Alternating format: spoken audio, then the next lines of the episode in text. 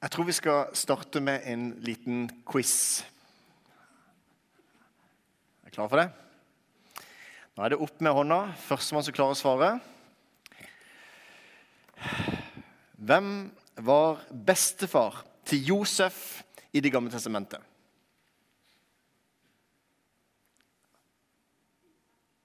Åh, applaus. Isak. Det var ikke så veldig helhjertet applaus, men du fikk du fikk noen sånn to-tre sånn klapp. Veldig bra. Hva het hans to sønner? Altså Isaks to sønner?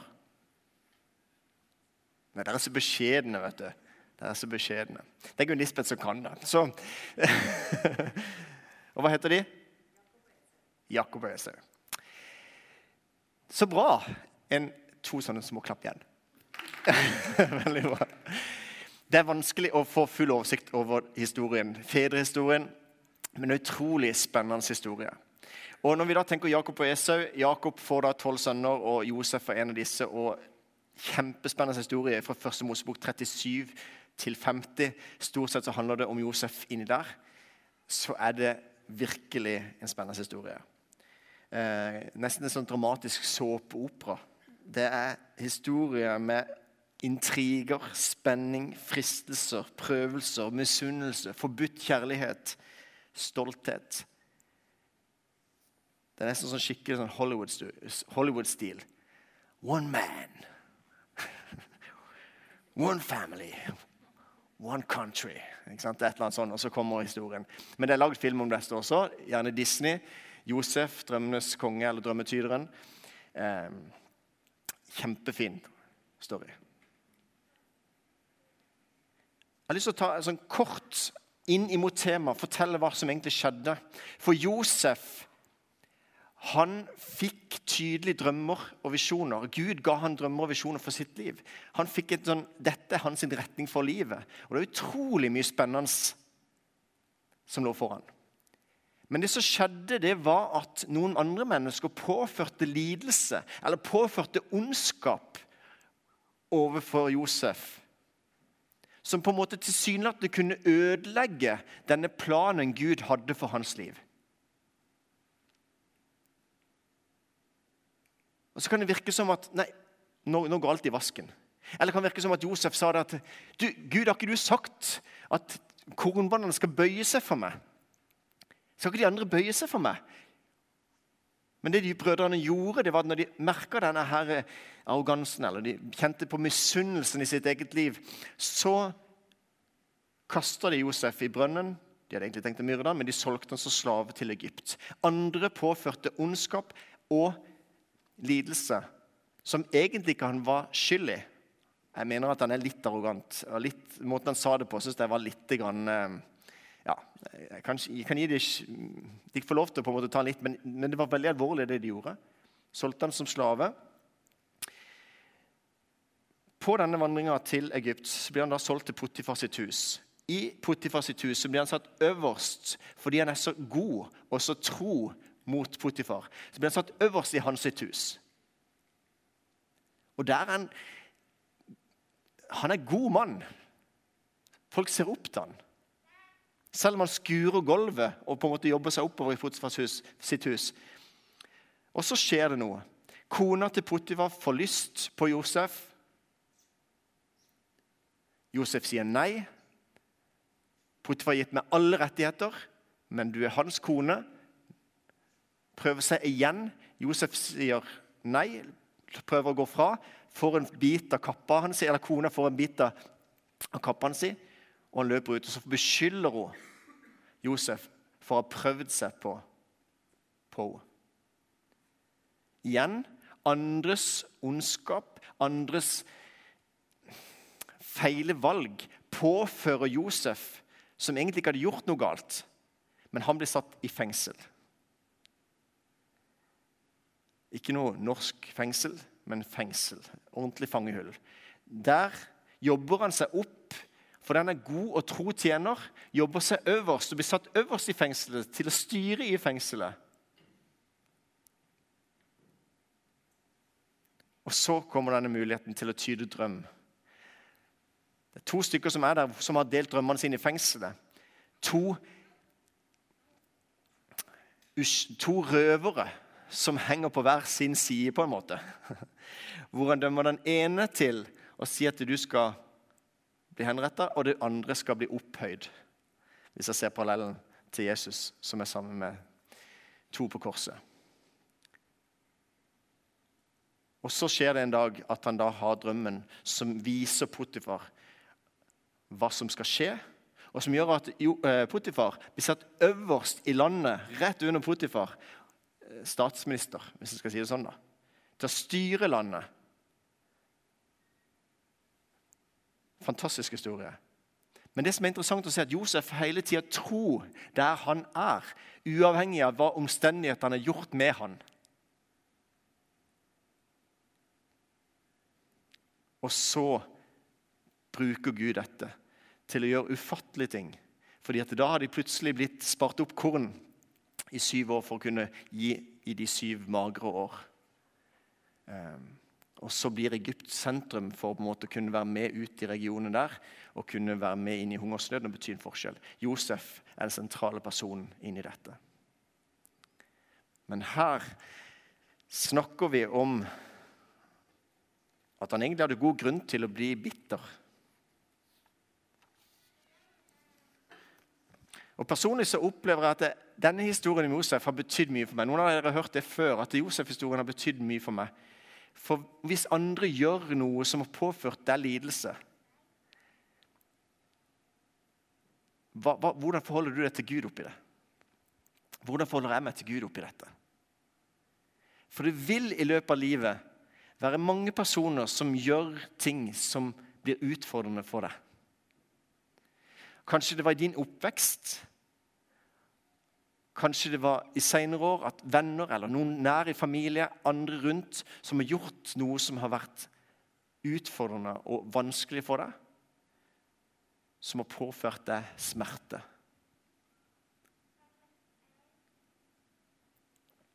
Det kan være andre ting òg. At eh,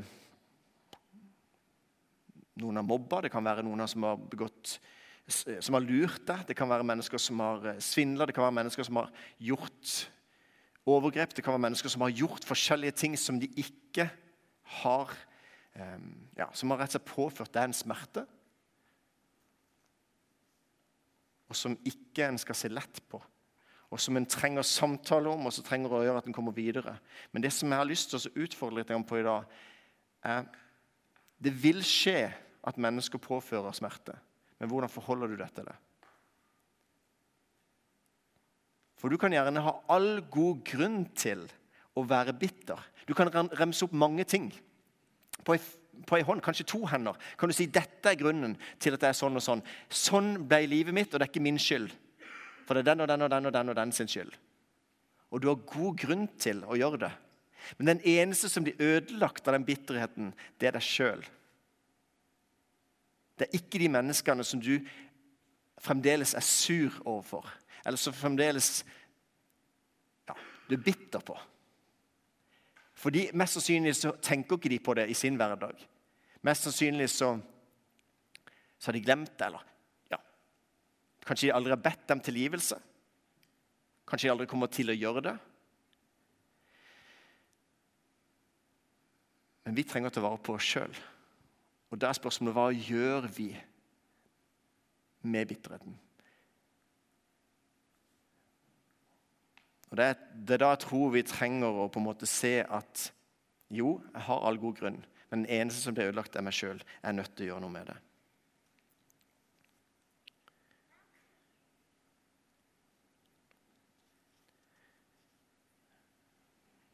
Vi skal komme litt tilbake til dette med tilgivelse, men først litt i forhold til dette med karakterbygging. For hvordan forholder, til, hvordan forholder, jeg meg til Gud når livet går meg imot? Er det sånn at Hvis ikke noe skjer som Gud, nå må det skje, nå må det skje, så skjer det ikke. Og så sier du Gud, nå vil jeg ikke ha noe med det å gjøre. Nå har jeg gitt en sjanse. Eller vil du fortsette å elske, stole på, adlyde og tilbe Gud selv om du ikke har noe følelse av hans nærvær eller synlig, bevis, nei, synlig bevis for hans arbeid i ditt liv? For Josef så handler det om å være tro der han var. Og Gud hadde tid, altså. De drømmene som han fikk når han var ung, det viste seg at de skulle ikke innfris for langt fram i tid. Og det ser vi jo at Jesus hadde god tid med disiplene. Tre år med disiplene, selv om masse mennesker egentlig kunne ha trengt hans budskap mye tidligere. Så Gud har tid. Men vi vil ha det nå. Gud, gi meg tålmodighet nå!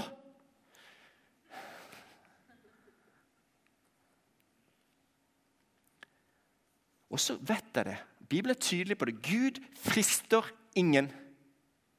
Det er ikke Gud som sender lidelsen og smerten.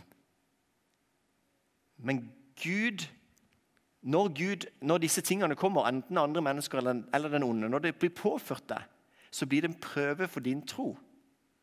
Så Derfor sier vi gjerne at troa blir prøvd. Men det er ikke Gud som sier at jeg skal teste den her, og så sender en sykdom eller noe smerte inn for å teste. Men når den er der i ditt liv, så blir det en prøve for din tro. Og Derfor kan vi si at det blir en prøvelse for troa. Men hvordan blir, hvordan, hva er utfallet av det? Forkaster jeg Gud, eller er tro imot Gud, sånn som Josef var i ett og alt?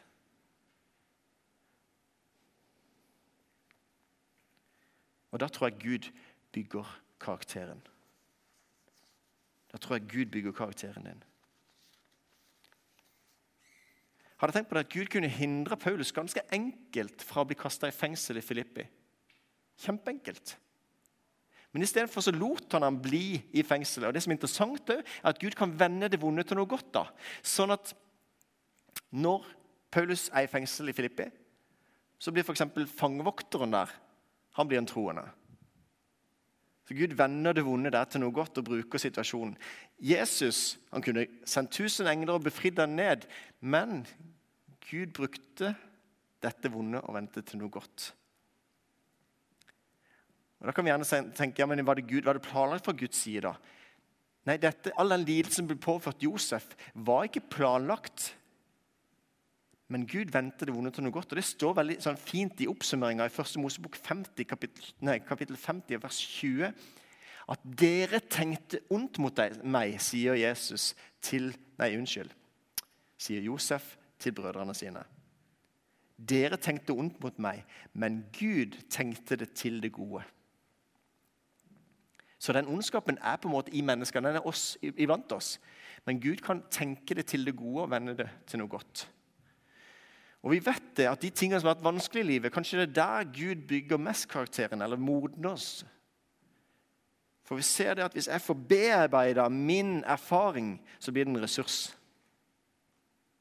Kanskje ikke akkurat der mens en er midt i det, men når en kommer gjennom det og står på den andre sida, så er en bearbeida livserfaring en ressurs inn i Guds rike. Så De tingene du skulle ønske var fjerna fra ditt liv, er ofte de tingene Gud bruker for å forme deg og bygge din karakter. Din utfordring og din ressurs, eller din utfordring og din smerte, kan bli en ressurs inn i Guds rike. For det er faktisk noe viktigere enn smerten. For vi vil for all del unngå smerte. Ja, og det, det er vondt med smerte, så vi vil ikke ha smerte. Men smerte er en del av livet. Og da er det noe viktigere enn smerte. Det å se forbi smerten, det å lære av smerten. Nøkkelen er å se forbi smerten.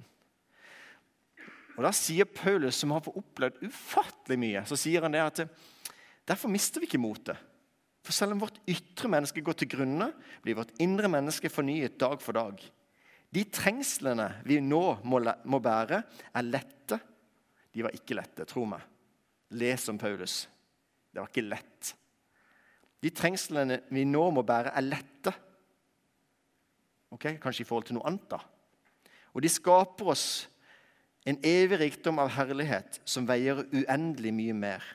Vi har ikke det synlige for øyet, men det usynlige. For det synlige tar slutt, men det usynlige varer evig.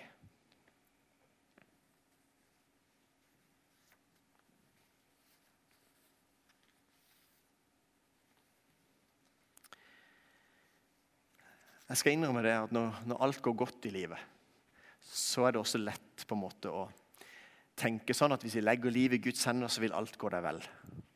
Så bor det en liten sånn herlighetsteologi i oss alle. Og så trenger vi erfare at livet virkelig rocker, eller Vi kjenner at det grunnstøter, rett og slett. Vi kjenner at vi, vi klarer det ikke sjøl, kanskje. For oss å se at Gud faktisk er noe mer enn en Gud som vi kan tilby når vi har det bra.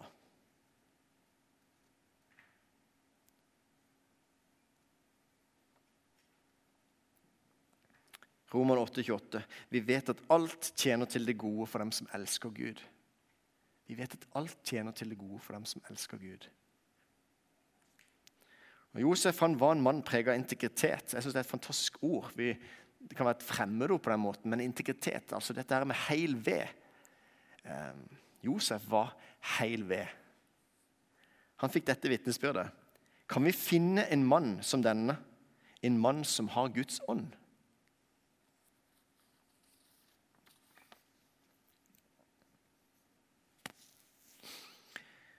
Så selv om omstendighetene skifta for Josef, så var det én ting som sto fast. Tilliten til Gud.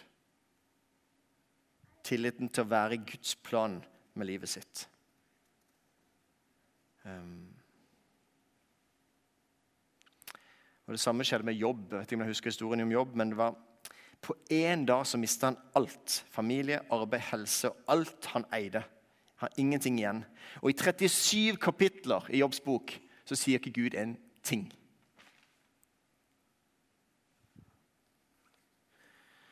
Så står det i Jobb 1, 20-22.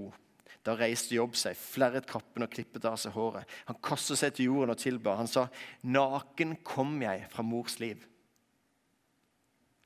Naken vender jeg tilbake. Herren ga, Herren tok. Velsignet være Herrens navn. Det er litt av et vitnesbyrd. står etterpå gjennom alt dette syndet ikke Jobb. Han krenket ikke Gud. Og så er det samme som brukes i begravelsesliturgien. Men det er lagt på et ekstra ledd. Av jord er du kommet, til jord skal du bli. Av jorden skal du igjen oppstå. Som ikke står her. Hvordan forholder jeg meg til Gud når det ikke går som jeg hadde tenkt?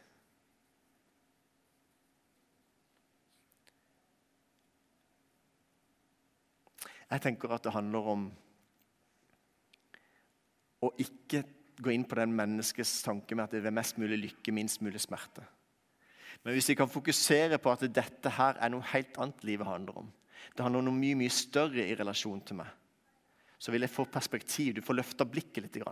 Og så er smerten like vond, men du har en som går med, og du har noe som kan komme ut av smerten et, et håp. Det er noe som kan forvandle det vonde til noe godt. Og Det er ufattelig forskjell. Det er himmelvid forskjell. Det er så mye vanskelig i denne verden her. Men når jeg er en himmel over livet, så blir det et perspektiv inn også over det onde som kan gi det mening. hvis Jeg får som er rett. Jeg sier ikke at det er en mening med det, men jeg sier at det kan bli en mening ut av det.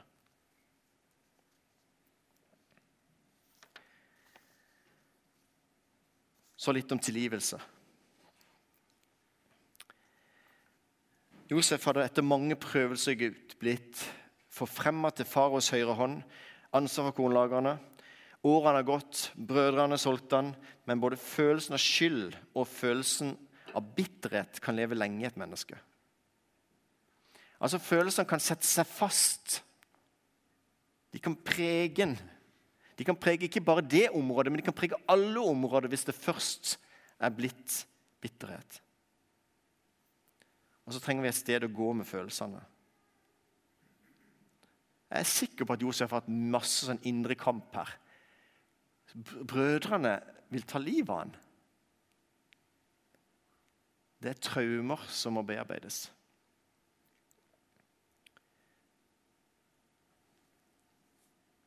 Og så Til slutt så står han da overfor brødrene sine.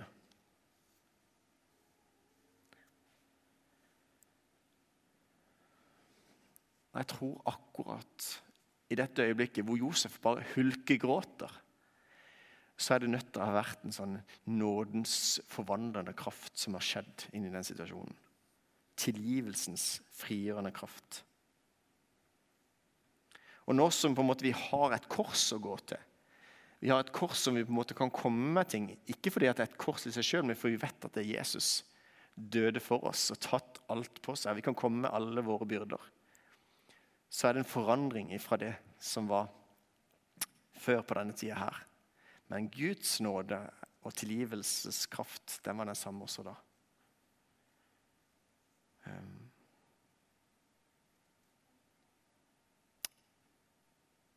Og så er det sånn at Josef visste at den tilgivelsen den var ekte. Og Så forsoner han seg med det hele, og så talte han til hjertet til, til brødrene sine. Han talte til hjertene deres. Og så faktisk var det sånn at det skjedde en forvandling også hos dem.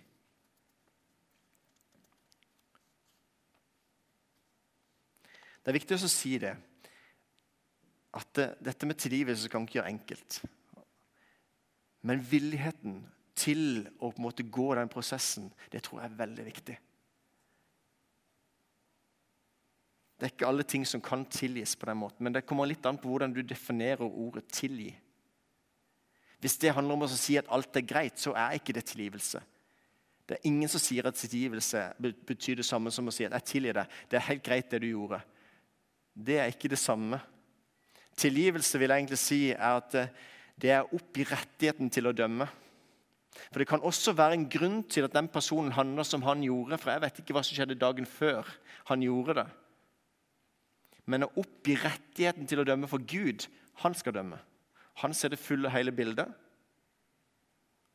Derfor er tilgivelse å oppgi rettigheten til å dømme sjøl.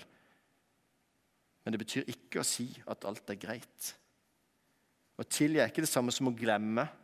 Å tilgi er ikke det samme som å plutselig ha tillit til personen igjen. Men tilgivelse handler om å sette en fange fri, for så å oppdage at fangen er deg sjøl.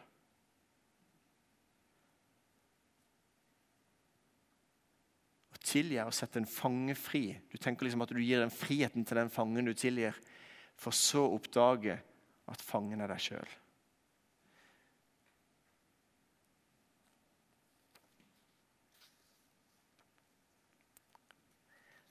Det er mange mennesker som har god grunn til å være bitter. Nå, nå, er dette en sånn, nå vil jeg bare fortelle om en sånn kort eh, opplevelse som jeg hadde nå denne uka her. Jeg eh, hadde litt travelt. Og av og til er det sånn at jeg gjør sånn når jeg løper inn i butikken, så er det sånn at jeg kan av og til spørre Når de kommer med en sånn svær handlekorv, så bare kommer jeg med én melk. Eh, så kan jeg liksom stå der og hinte litt. ikke sant? Så kan jeg få lov til å komme foran på en måte. Og Så hadde jeg litt dårlig tid, og så var det en som akkurat kom før meg. og Så skulle han tillegge opp på handlekurva, og så gikk jeg bare forbi. Er det greit å bare betaler betale for den melka der? Ikke sant? Men jeg spurte Eller jeg gjorde det jo egentlig mens jeg spurte. skjønner dere? Så jeg på en måte hadde jo gitt den til kassemannen, eh, kassedama og bare liksom Vær så god, og så er det greit at jeg bare betaler den. ikke sant? Og så kommer man kommentaren Nei, det er ikke greit. Det er så typisk det der. Snike seg foran køa osv. Så, videre. så fikk jeg bare Felen òg. Du, vet du noe? Jeg spurte deg ikke, jeg bare gjorde det. Unnskyld. Beklager. Det var ikke meninga. Alt er ferdig. Det gikk jo kjempekjapt å gjøre den transaksjonen, men eh, jeg på en måte, han fortsatte å være på en måte i den der at Nei, dette var ikke greit. Du vet noe, Dette beklager jeg. Jeg har ikke lyst til at det skal være sånn. Eh, du må ha en veldig god helg. Ja, det får være det samme. Og Så gikk jeg, så kikket jeg bare på han som satt i kassa, og så var det liksom litt sånn bare at det, vi smilte bare til hverandre, vi. Og så, og, og så, gikk jeg.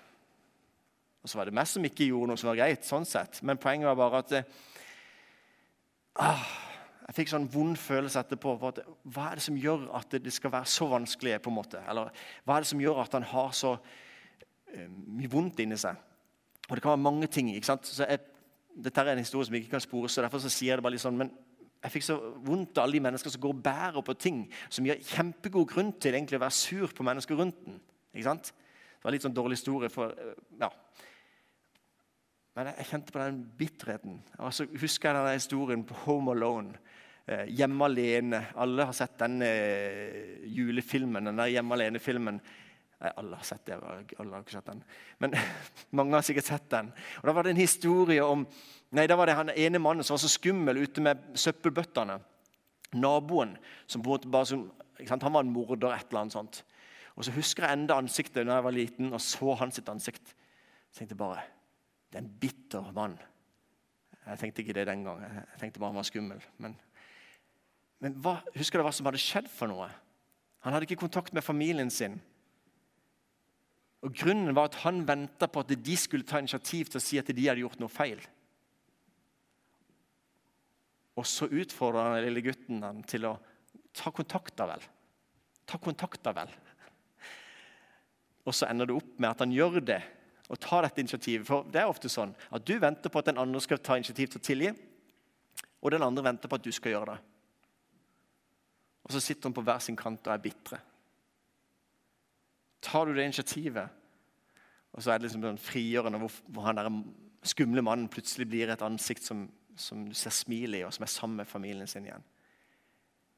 Um, jeg har lyst til å utfordre deg helt konkret. Hvis du tenker på en historie eller en person eller noen som, som du kjenner at det er den andres plikt til å ta initiativ, så jeg har lyst til å utfordre deg på Kanskje, hvis dette er noe som har slått så rot i deg, at det er du som må tilgi for å sjøl settes fri. Kanskje den andre personen aldri vil tilgi. Kanskje den, aldri, kanskje den er død. Kanskje den aldri har mulighet for å tilgi. Men poenget er at du må tilgi for å sette sjøl fri. Sist gang så var hovedtema misunnelse. Vet dere hvordan misunnelse staves? M-i-s-u-n-n-e-l-s-e. Ti bokstaver. Og Misunnelse kan gjøre at du får knytta hender. Du blir forknytt. Jeg vet ikke om det er noen som kjenner at det er forknyttet. Og så er det like mange bokstaver på T-I-L-J Nei, G-I-V-E-L-S-E. -E. Tilgivelse. Som gir åpne hender.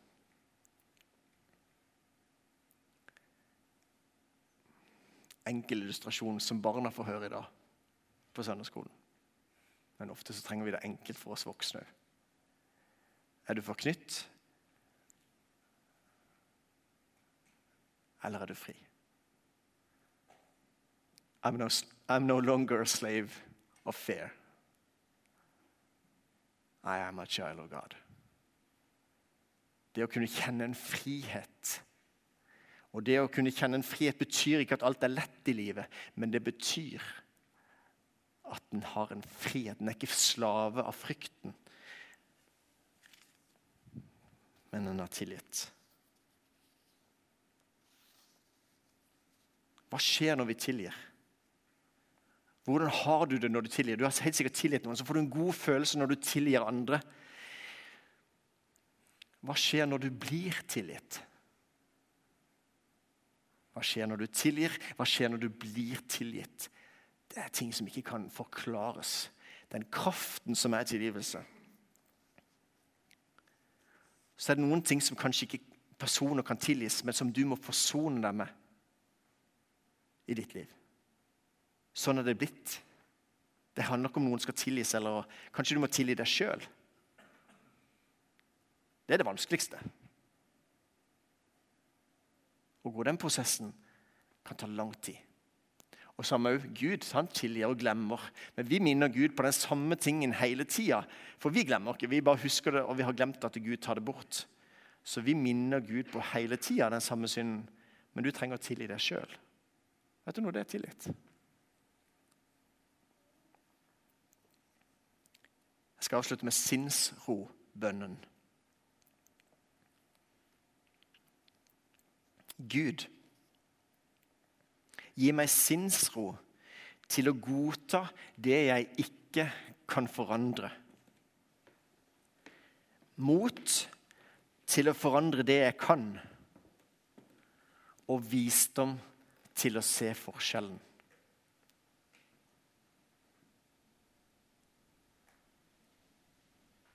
La begrunnelsen for å tilgi være i Gud og ikke den som er begått urett.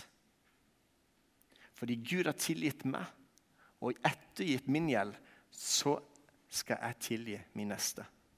Der begrunnelsen ikke var den andre, at den andre fortjener det, men fordi Gud har gitt meg, så har jeg lyst til å tilgi min neste. Fordi Gud har elska meg først, så vil jeg elske min neste.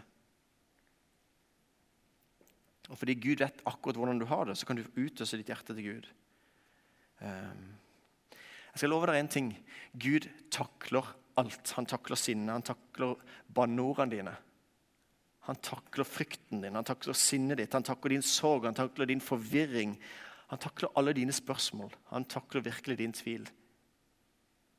Men når du kommer til Gud, så er det din tro, din tillit. Ikke fordi du er sterk, men fordi han er sterk. Og Da er det fantastisk å kunne komme til nattverd senere. Ikke fordi at du takler livet eller får til livet, men fordi Gud har levd livet for deg og har tilgitt deg. Så kan du ta imot tilgivelsen ifra Gud. Og Da synger vi sangen etterpå, ikke nå, men litt senere. Et bord er dekka med nåde. Da kan vi spise nåden og ta imot nåden.